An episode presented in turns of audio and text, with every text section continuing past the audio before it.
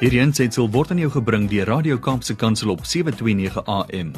Besoek ons gerus by www.kapsekansel.co.za.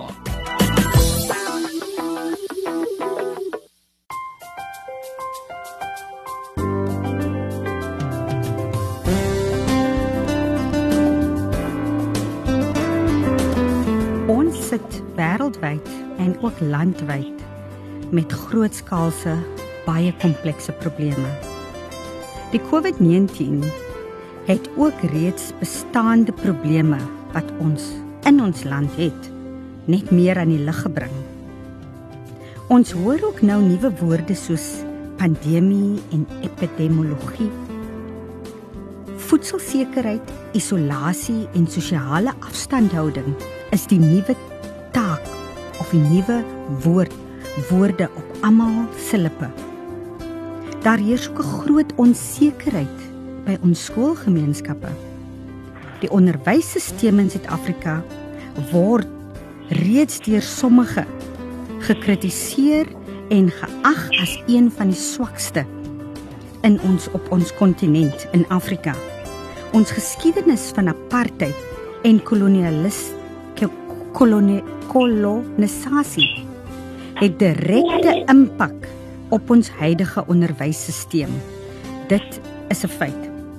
Daar is ook tekort aan fondse, toegang tot kwaliteitsonderrig vir almal, te min of on, onvoldoende infrastruktuur.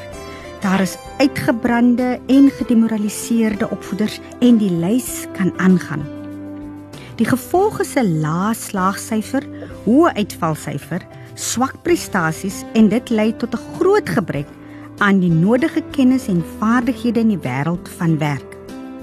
Dit is dus duidelik luisteraars dat ons met grootskaalse komplekse probleme sit in Suid-Afrika veral nou gedurende COVID-19. Hoe nou gemaak? Goeiedag luisteraars. Welkom by Kopskyf met my Malwena Meisen. Ons fokus vandag is op die grootskaalse komplekse probleme wat ons tans ervaar in ons land en die benadering en die hantering daarvan. Ons gesels met Derrick Ronnie. Hy's 'n mediator en 'n fasiliteerder, so ook assosiaat van die organisasie More Than Peace. Dit is 'n geloofsgebaseerde kollektief wat fokus op die bou van vrede en kollektiewe probleemoplossings waar konflik in gemeenskappe of organisasies mag voorkom. So bly dis ingeskakel luisteraars op 729 AM Radio Kaapse Kansel want net na die breek gesels Kopskyf met Derrick Ronnie. Hier op Kopskyf praat ons saam en ons dink saam oor relevante onderwerpe en ons eie skoolgemeenskappe. Saam met julle almal kan ons 'n groot verskil maak, want ons by die ATKV glo dat onderwys is inderdaad almal se verantwoordelikheid. Met hierdie program Kopskuif gaan ons dus reflekteer deur gesprekvoering op onderwys en meer spesifiek met ons opvoeders. Dit is dus jou platform waar die onderwysgeleerders en opvoeders al wenke, tegnieke vaardighede en ook suksesstories kan deel met ander. Met 'n fokus op kreatiewe onderrigstrategieë, ons huidige knelpunte in die onderwys en om ons opvoeders te ondersteun, hulle te bemoedig en ook help om slimmer, wyser, gesonder aksies in hul klas en ook vir hulle persoonlike welstand te kan implementeer. So onderhoude word weekliks gevoer met skoolgemeenskapsrolspelers prinsipale, ouers, onderwyskundiges, leerders met natuurlik ons hoof fokus die opvoeder. Hierdie is dus die platform waar opvoeders gesien en gehoor kan word.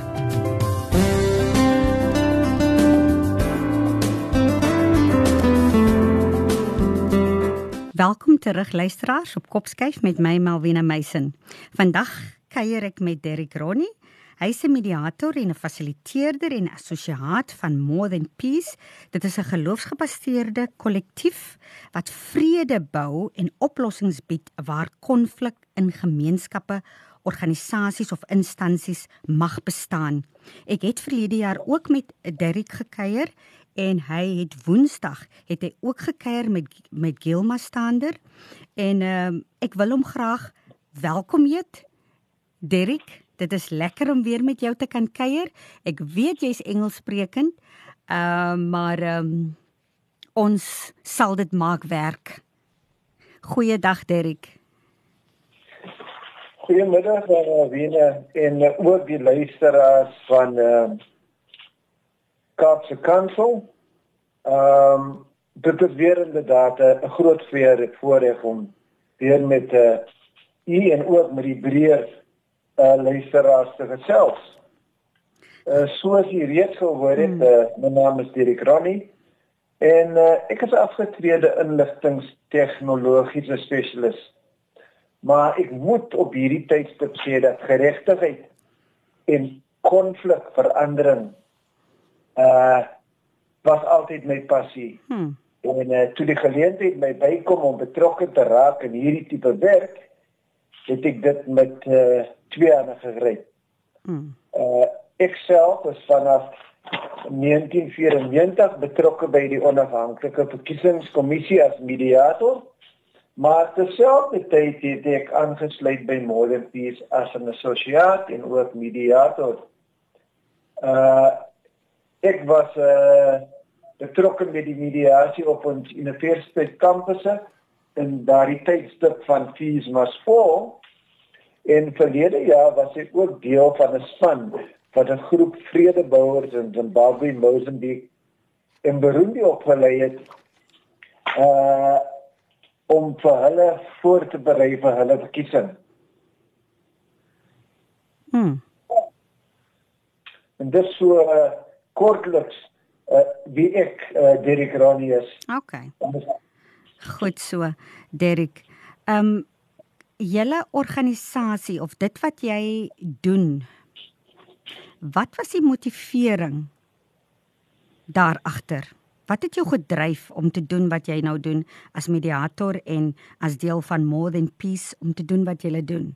In internasionaal, veral soos jy nou gesê het, jy werk in die breë Afrika en dan ook in ons universiteite het jy al werk gedoen. Wat is julle motivering of jou motivering agter wat jy doen? Waarom doen jy dit? Ja, soos ek uh, reeds gesê het, ek dink dit is deel van my my passie in terme van geregtigheid en uh konflikverandering. Uh en dit is eintlik en, en dit kom kom van my beginsels af dat uh ons is almal een mens. En ek dink uh die manier hoe ons ons ontwikkel het, het ons uit mekaar uit so groei. Uh so Modern Peace het in 2015 tot staan gekom uh veral met die munisipale verkiesings. Uh en die rede hoekom ons gevorm was was om te verseker dat daar nie 'n verneukerheid was was met die met die verkiesings in terme van die stembusse uh en dat die proses vlot loop.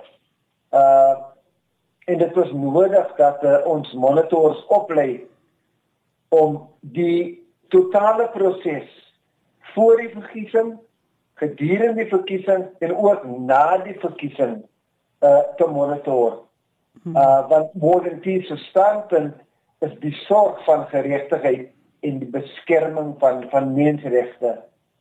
Hmm. Uh ons as Molenpies is ook van mening dat konflik nie deur geweld moet alleenlik opgelos word nie, maar liewer deur die samewerking en in dialoog.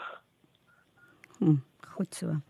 Derek, dit is duidelik dat die sosio-ekonomiese en sosio-kulturele omgewing van ons land beslis die pandemie en die effektiewe bestuur daarvan se uitkomste beïnvloed en nog gaan beïnvloed in die toekoms. Ons waardesisteme, ons praktyke, ons tradisies, bestaande tradisies en ons gedrag gaan natuurlik beïnvloed die aksies en die besluite wat geneem word. Ons besef ook dat ons onsself bevind in 'n vinnig veranderende samelewing en die vraag na tegnologie en sosiale media groei ook geweldig.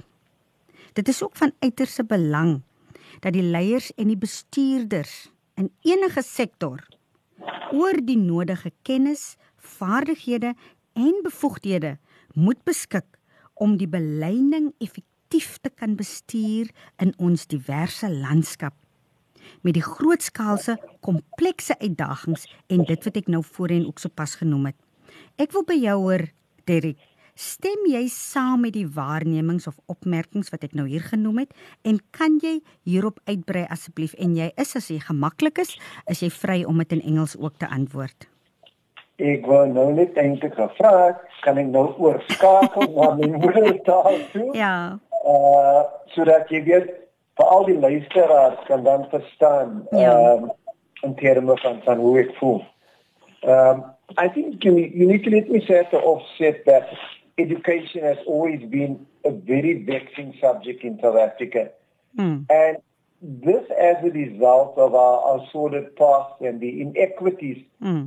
that existed in the allocation of resources, both human and material. Obviously, uh, education in itself is an extension of our society, and I think in your introduction you spoke about the area of colonialism and the inequalities that existed under a very unfair system. Uh, and so more than anything, the, the outbreak of the, the COVID pandemic has magnified the inequalities that continue to exist in our schools and broader society, I may add. And I think if we've just looked over the last few days, the levels of violence that's playing itself out as, as people trying to have access to something as basic as food. And Yes. so, you know, uh, more than anything, the, the, we have seen again that poverty continues to be the scourge that holds the majority of our population captive. This added to a depressed economy, uh, a parent grouping that's uncertain whether they will be gainfully employed once this pandemic has passed. Uh, and you see, we, we come out of a history of impoverishment. And at the advent of democracy, many had dreamt of a new dawn. Sadly, and if we are blatantly honest, uh, this is yet to materialize. And so the, the outbreak of this pandemic has brought into view the continued inequities, the lack of affordable housing for all, and we just need to look what's happening in terms of housing of the homeless at this very point in time. Uh, the uncertainty around job security, a affordable health care, and here again we are seeing that it is those who have who would probably have access to better levels of medical assistance. And so the list just, just seems to go on. And so it, it is as a result of the aforementioned that any meaningful response to the coronavirus Hmm. sadly has been prefaced by these basic human needs.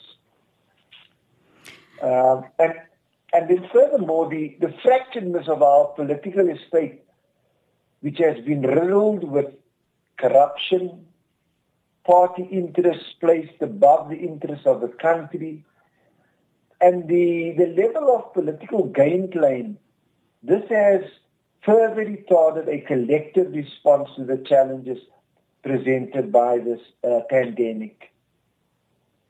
Um, I can go on, you know, uh, party factionalism has also hampered the president in being more decisive in many areas of decision making. I think this is where the the scary bit comes in, that frighteningly, the coronavirus has been like a match to dried wood waiting to be ignited. Hmm. And evidence of this has been seen in the community responses when relief parcels were being delivered. Hmm. And I think the posters tell it all. If corona does not kill me, hunger will. Luisteraars, bly ingeskakel op 729 AM Radio Kaapse Kansel op die program Kopskyf waar ons vandag gesels oor die uh impak van ons grootskaalse komplekse probleme wat ons tans ervaar in Grendeltyd. Net na die breek gesels ons verder met Derrick Ronnie.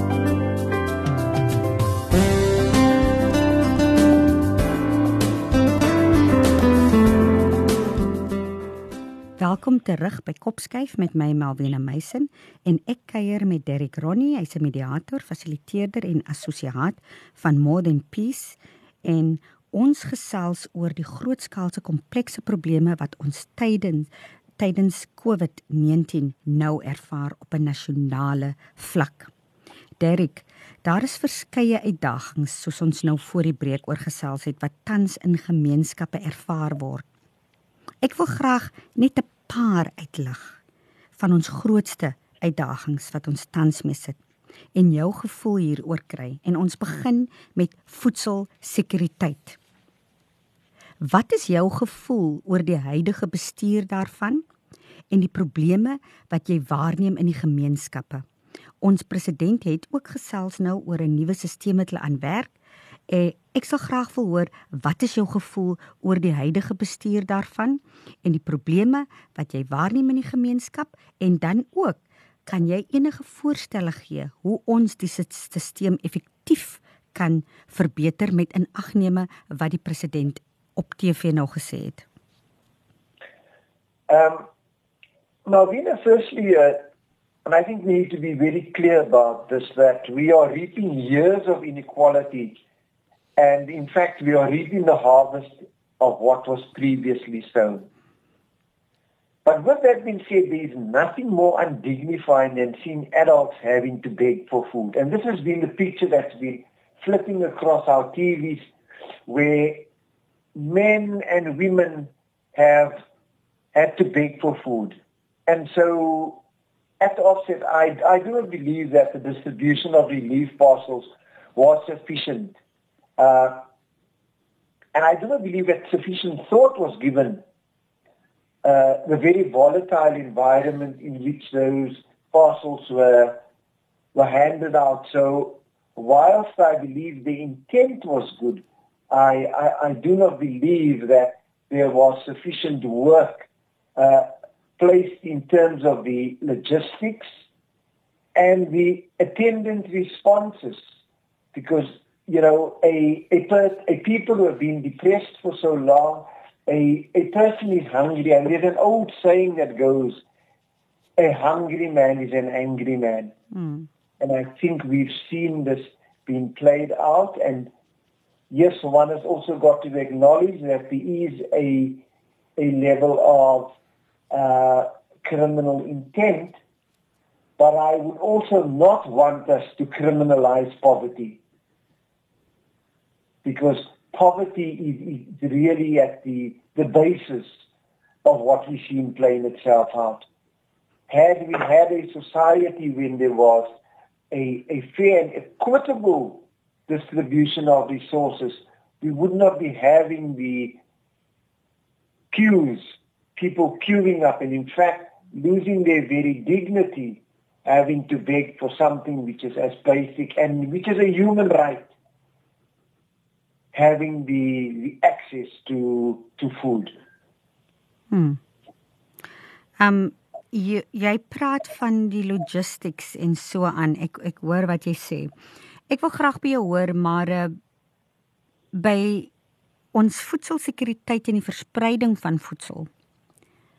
Wie is verantwoordelik om toe te sien na die logistieke reëlings, na die beplanning, na die strukturering van hierdie tipe projekte op so groot vlak. Um as I had intimated in my previous answer, I do hmm. believe that sufficient uh thought was given.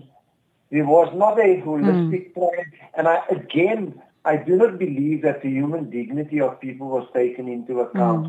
Mm. The, the negative impact that the delivering of food parcels, you know, would have. And I think understanding our, our very violent history, one should almost have expected. And so I think there's been a failure mm. on the part of our social development uh, departments and, and other agencies that would see to that well-being. But I seem to think that the, the president might have read my, my script uh, prior to us talking because mm-hmm. uh, in his conversation he spoke about the issuing of vouchers and in fact I had been thinking about this. I believe the distribution of vouchers might have been a more humane approach. It would also then allow people to decide what they wish to purchase while still retaining their dignity. And I think part, part of the, mm. the, that should come out of uh, our response to COVID-19 is again the retention and the redevelopment of the human dignity mm. of hmm. all South Africans. Mm. Ek hoor jou, maar ek ek wil vir jou nou vra rondom die coupons, die vouchers. Ehm um, dink jy hoe gaan die logistiek daaromtrent werk want op die huidige oomblik het ons dat ons die kospakkies in die gemeenskappe vir die mense uitgee. Maar as ons met die kuponstelsel gaan werk, beteken dit mense gaan weer na winkels toe moet gaan om aankope te doen. Uh dan dink ons aan iets soos hulle sê die social distancing en daardie tipe ding wat inkom. Jy noem ook nou dat mense dan kan koop wat hulle wil hê, maar uh um uh dit laat ook 'n mens wonder, wat gaan mense koop? Gaan hulle voedsame kos koop? kos wat wat gesond is vir hulle. Uh, uh dit is ook 'n tipe vraag wat wat wat nou jou opkom. Hoe gaan hulle kan onderskei tussen sal mense die basiese dinge koop wat hulle nodig het? Ek sal graag jou insette daarop wil hê.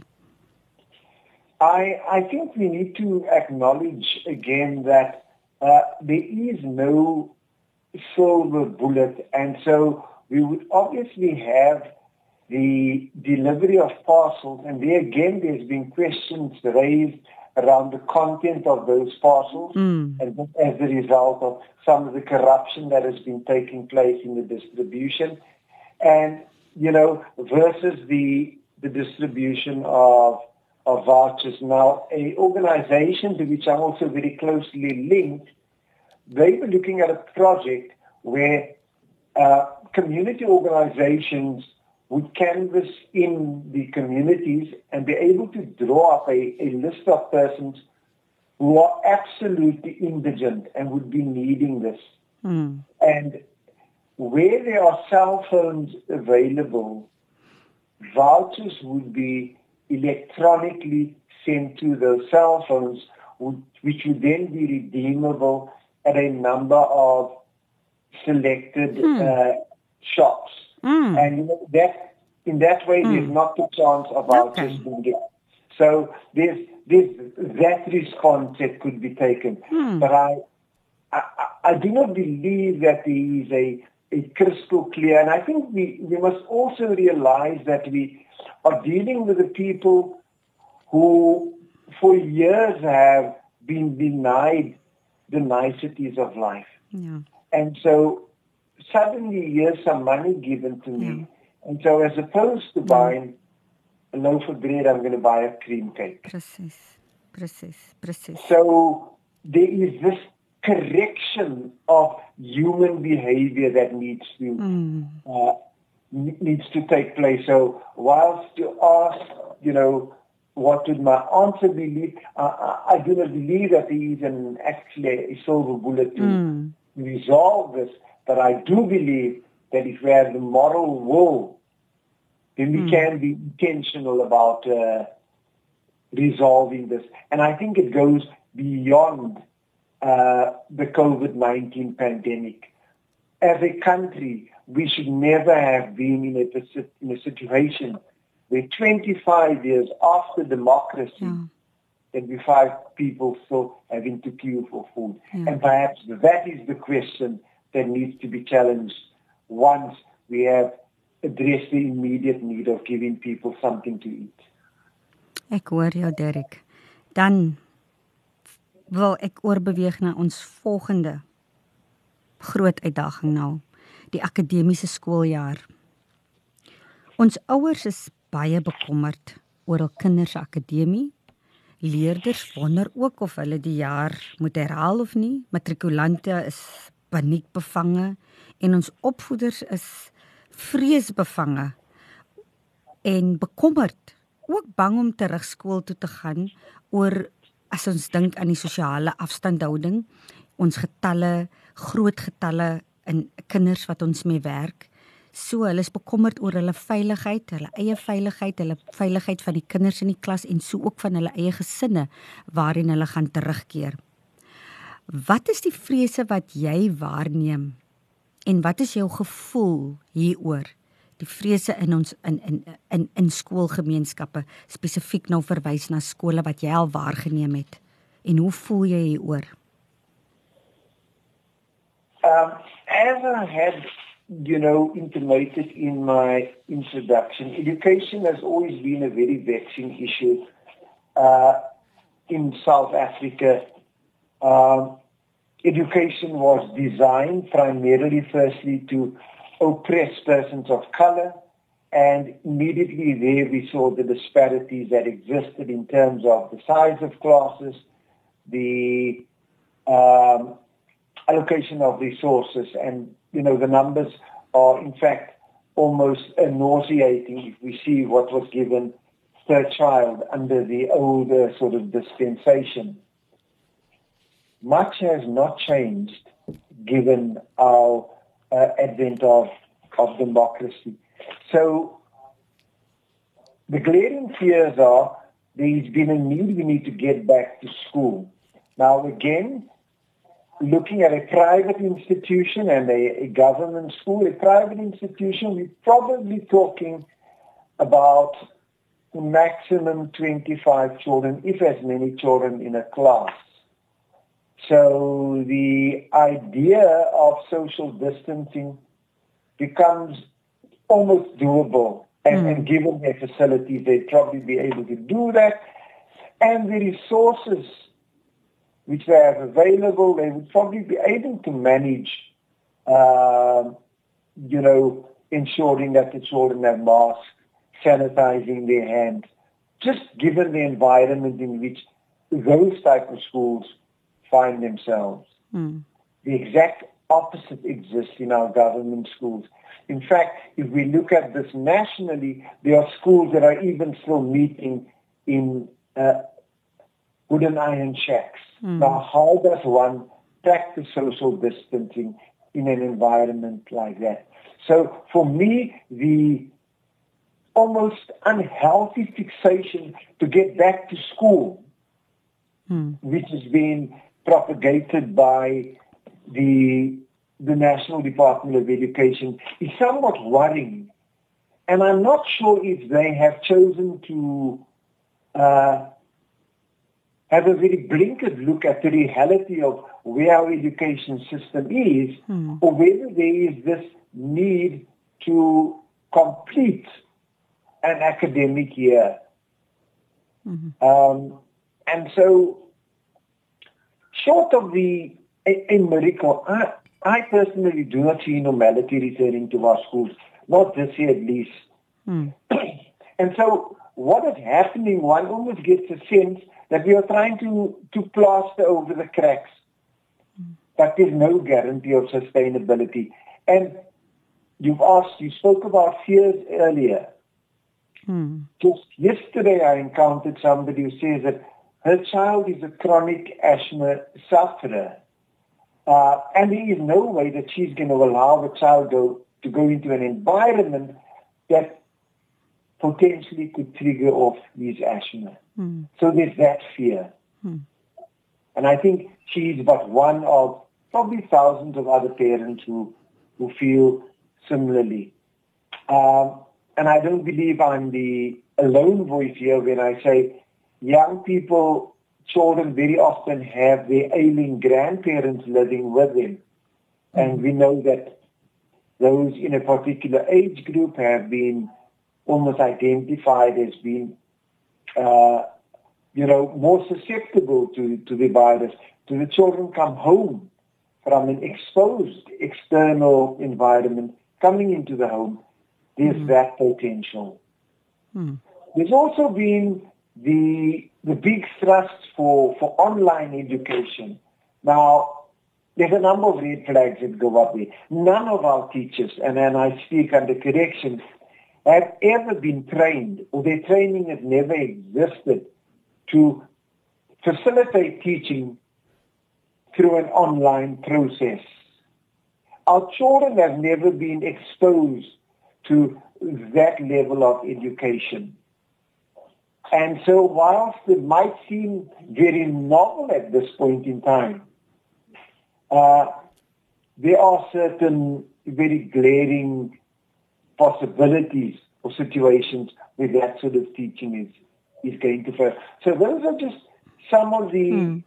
the, the fears uh, that I do not believe there's been sufficient thinking and and, and, and I say this very guardedly in that because given our, our political history, there unfortunately is also not a united voice in terms of what education is good for South Africa, mm. not what education is good for the Western Cape, or what education is good for the rest of the country. Mm. I also raise the question, and this is my fear, that people seem to be ignoring that South Africa and the globe, we are not going to look the same way we looked pre-COVID-19. Hmm. Hmm. Society is going to be hmm. shaped differently. The economic challenges are going to be shaped differently. So are we in fact going to say we are now going to take new wine and throw it into old wine skins? Mm.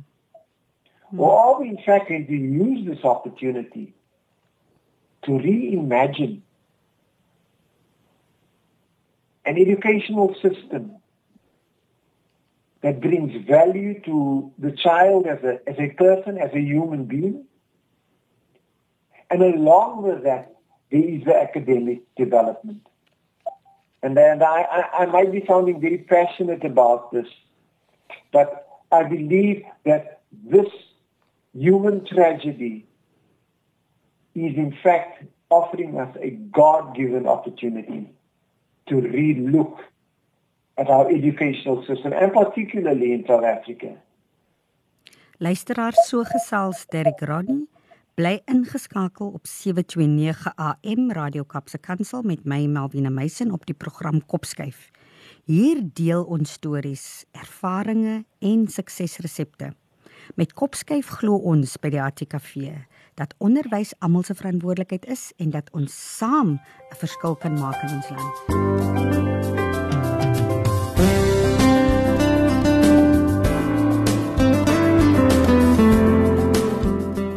Terug luisteraars. Ons gesels vandag oor die hantering van grootskaalse kompleksiteite in ons skoolgemeenskappe en ons kuier met Derrick Ronnie. Hy's 'n mediator, fasiliteerder en dan is hy ook 'n assosiaat van 'n uh, organisasie More Than Peace. Nou Ronnie, ons tel op waar ons voor die breek opgehou het al ons land se leiers in alle sektore weet nie of jy saamstem nie moet verstaan het van die belangrikheid van hul rolle en verantwoordelikhede. Sonder die nodige kennis insig begrip en ervaring sal leiers nie noodwendig besef dat ons omgewings en hier praat ek nou van jou meso-omgewing, jou mikro-omgewing en jou makro-omgewing.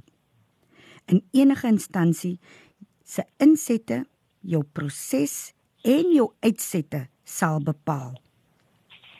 Dis is belangrik dat baie duidelike en effektiewe veranderingsbestuur nou vereis word in ons land en ek kan seker sê in enige stelsel. En veral nou meer as ooit tevore. Nou die kultuur van aanpassing en ontwikkeling word nou onontbeerlik in die tye waarin ons beweeg. En as ek nou luister na wat jy nou voorheen wat ons voorheen oor gesels het oor die voedselsekuriteit en die akademiese skooljaar, is dit belangrik dat ons nou effektiewe veranderingsbestuur toepas. Nou volgens Christian Wessels van Roland Burger strategiese konsultante sê hulle sê hy is geld is nie noodwendig die probleem in aktiwiteite nie. Eerder die uitvoer en die implementering van die aktiwiteite. Dit is waar die probleem is. So dis nie noodwendig geld nie, dit is die uitvoer en die implementering daarvan om dus volhoubare kollektiewe aksies daar te stel. Kan ons nie net planne ter tafel lê nie. 'n Goeie plan bepaal nie noodwendig jou waarde nie as dit nie gevolg word deur die daarstelling van volhoubare, gestruktureerde, gestruktureerde en kollaboratiewe aksies nie. So ons huidige praktyke en hoe jy werk, jou werkswyse, jou hulpbronne, die tegnieke en die strategieë sal ons in oënskou moet neem. Nou Derek, ek wil nou by jou hoor. Ons as ons nou luister na die die die die komplekse probleme waarmee ons sit. Ons het ook gehoor van uh ons onderwysstelsel wat uh hoe dit was, die onregverdighede wat in ons stelsel was. Dit is 25 jaar later, maar ons sit nog met dieselfde probleme en uitdagings. Ek wil vir jou vra. Dink jy ons het 'n nuwe vlak van leierskap in alle sektore nodig? en op alle vlakke? En wat verwag ons van ons leiers in ons land nou? En as ek praat van leier, dan praat ek nie net van die president nie, ek praat nie net van die ministers nie. Ek verwys ook na 'n leier soos 'n prinsipaal in 'n skool. Die munisipale bestuurder in sy munisipaliteit.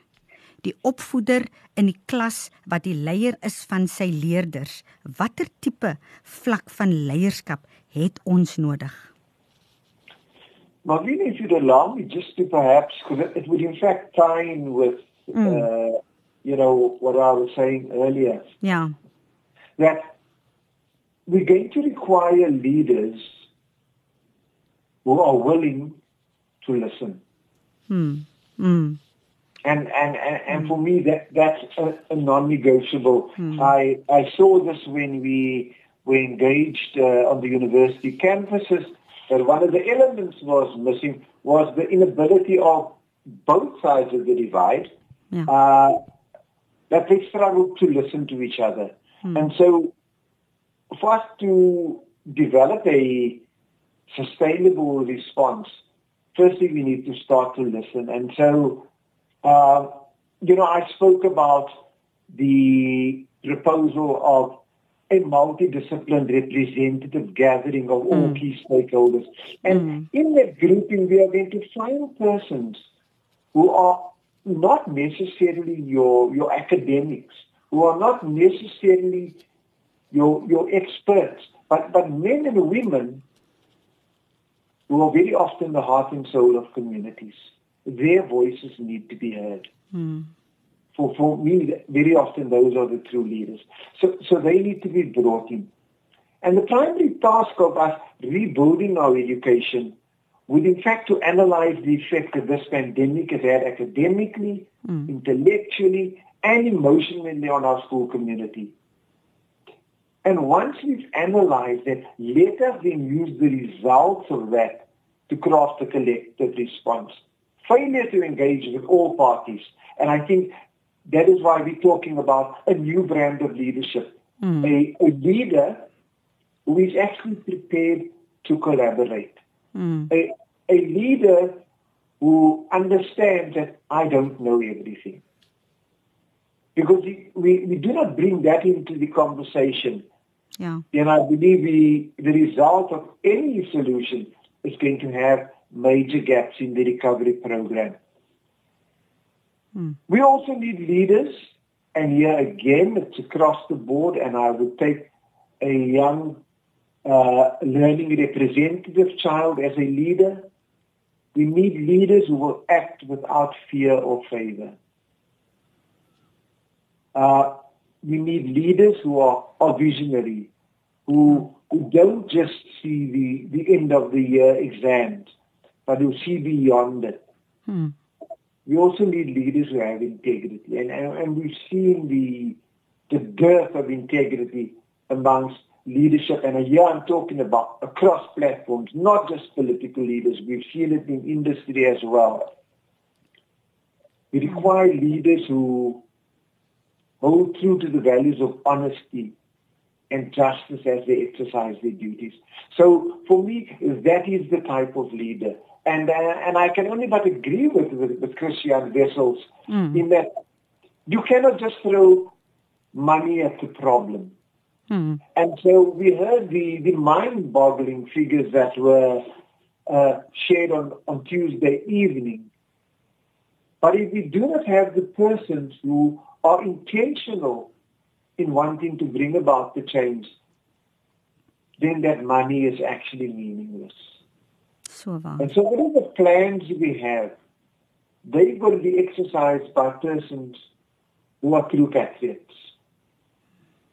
Hmm. Uh, and so when we talk about new leadership, new ideas, we've got to move away from, yes, a very patriarchal society, and I haven't even spoken about the inclusion of women and the young people. Mm-hmm.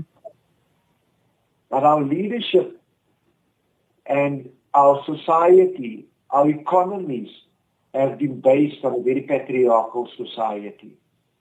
And so there needs to be that sort of rethinking again.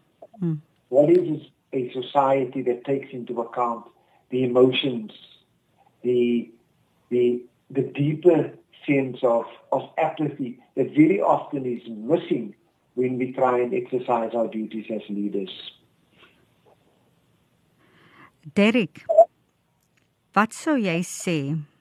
Ons sit nou met onmiddellike situasies en probleme uh of uitdagings nou, heidaglik in COVID. Wat behoort ons leiers wat nou in leiersposisies is? Wat moet hulle fokus nou wees in hulle strukture of in organisasies wat spesifieke projekte betref. Ek praat nou spesifiek van projekte soos die voedselsekuriteit en die akademiese skooljaar. Wat sou jy sê moet hulle fokus nou wees? The key focus by all our leaders, and again I talk uh, across the board, should be the restoration of the brokenness of our society. Mm. Mm. Uh, and this will only be achieved successfully if there is inclusive thinking and behavior. Uh, and so I need to say very clearly that the time for party politics has expired in South Africa. Mm. And the focus should be on the goodwill of the country, but not my party. Uh, failure to have a, a total change in behavior then I believe we are really planning for a disaster because the very things that are now manifesting itself, and I'm talking about the inequality of food distribution, uh, educational, is going to replay itself again. And so the key focus should be on the restoration.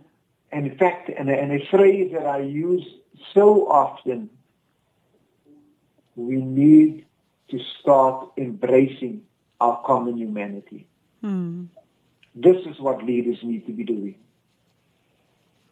For we are in this together.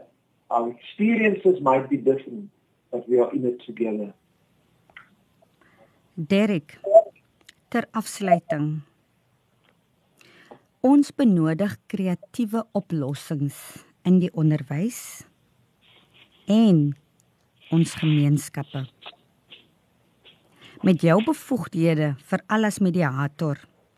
Wat sal jy graag vir die minister van onderwys, minister Angie Motshekga en die president in ons land wil sê veral gedurende hierdie periode van inperking COVID-19? Wat sal jy graag aan hulle twee wil sê? Amidst the tragedy that has played itself out, I would urge the minister not only at national level but at provincial level uh, to urge all of them, and in fact the president and his cabinet included, who hold the development of our country at heart and the rebuilding of our nation to take this opportunity to re-image not only what our education, but what would we like to see if we are to meet the challenges post COVID-19. And so to them I say some very difficult questions and admissions have to be made that our society and by extension our education system was never ever played on a level playing field.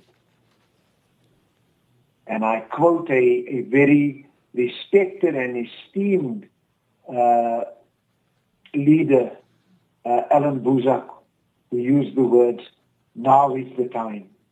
Mm-hmm. And I believe now is the time to emerge with a new world, a new education system that ensures that all will start in the same set of starting blocks. And Mr. President and Madam Minister of Basic Education, you need to be brave. You need to be bold. I call on you to, to step forward, patriots. Luisteraars, so gesels Derek Ronnie. Hy's 'n mediator en fasiliteerder en die assosiaat by More Than Peace organisasie. Ek sluit af met die volgende. Bevoegde leierskap verg dat die leiers die realiteite sal besef en die behoefte vir verandering met oortuiging gaan bevorder. Hulle moet met geloof kan handel terwyl hulle die padkaart verskaf wat leiding gee oor aanvaarbare gedrag en besluitnemings ten opsigte van enige aksie. Etiese leierskap, luisteraars, boesem vertroue in by alle mense. Dit maak jou geloofwaardig. Dit bou 'n positiewe reputasie op en dit bou ook jou publieke beeld en assosiasie. En dan ook is beleggers ook meer geneig om sulke tipe leierskap te ondersteun. In Spreuke 9 vers 9 staan geskryf: Gee jou raad vir 'n wyse mens en hy sal groter wysheid kry. Onderrig 'n regverdige en sy kennis sal vermeerder. Derek Ronnie baie dankie vir jou wyshede wat jy met ons gedeel het. Dit laat ons dink en dit laat ons besef die belangrikheid van wat ons fokusse moet wees en hoe ons na dinge moet kyk. Dit was 'n voorreg om weer met jou te kon kuier. Ek hoop ons gaan weer spoedig weer met jou kan kuier, laat jy jou kennis en vaardighede met ons kan deel. Nou Wiene weer eens baie dankie vir die geleentheid uh, wat jy aan uh, aan my geskik het om om saam met u te praat en ook met die luisteraars. Uh en ek kyk vorentoe na die die die volgende tyd wanneer ons weer kan saam praat. En dan kan ons saam kuier ook in die uh studio. Jy weet en en nie so van van van die distansie af nie. Ja nee wat. Ja nee. Nee met die social distancing nie. Ja, baie dankie. Luisteraars, dit was Kopskyf met my Malwena Meisen, Malwena Meisen. Skakel gerus in elke week op 'n Saterdag op 729 AM tussen 4 en 5 of jy kan ook alternatiefelik gaan na ons webblad Dit is www.atkv.org.za. Ons is ook op Facebook op al die sosiale platforms. Dit is Facebook, dit is op Instagram en op Twitter en jy kan ook kyk na ons kopskyf blad op Facebook en op uh, Insta. Tot volgende week. Totsiens luisteraars.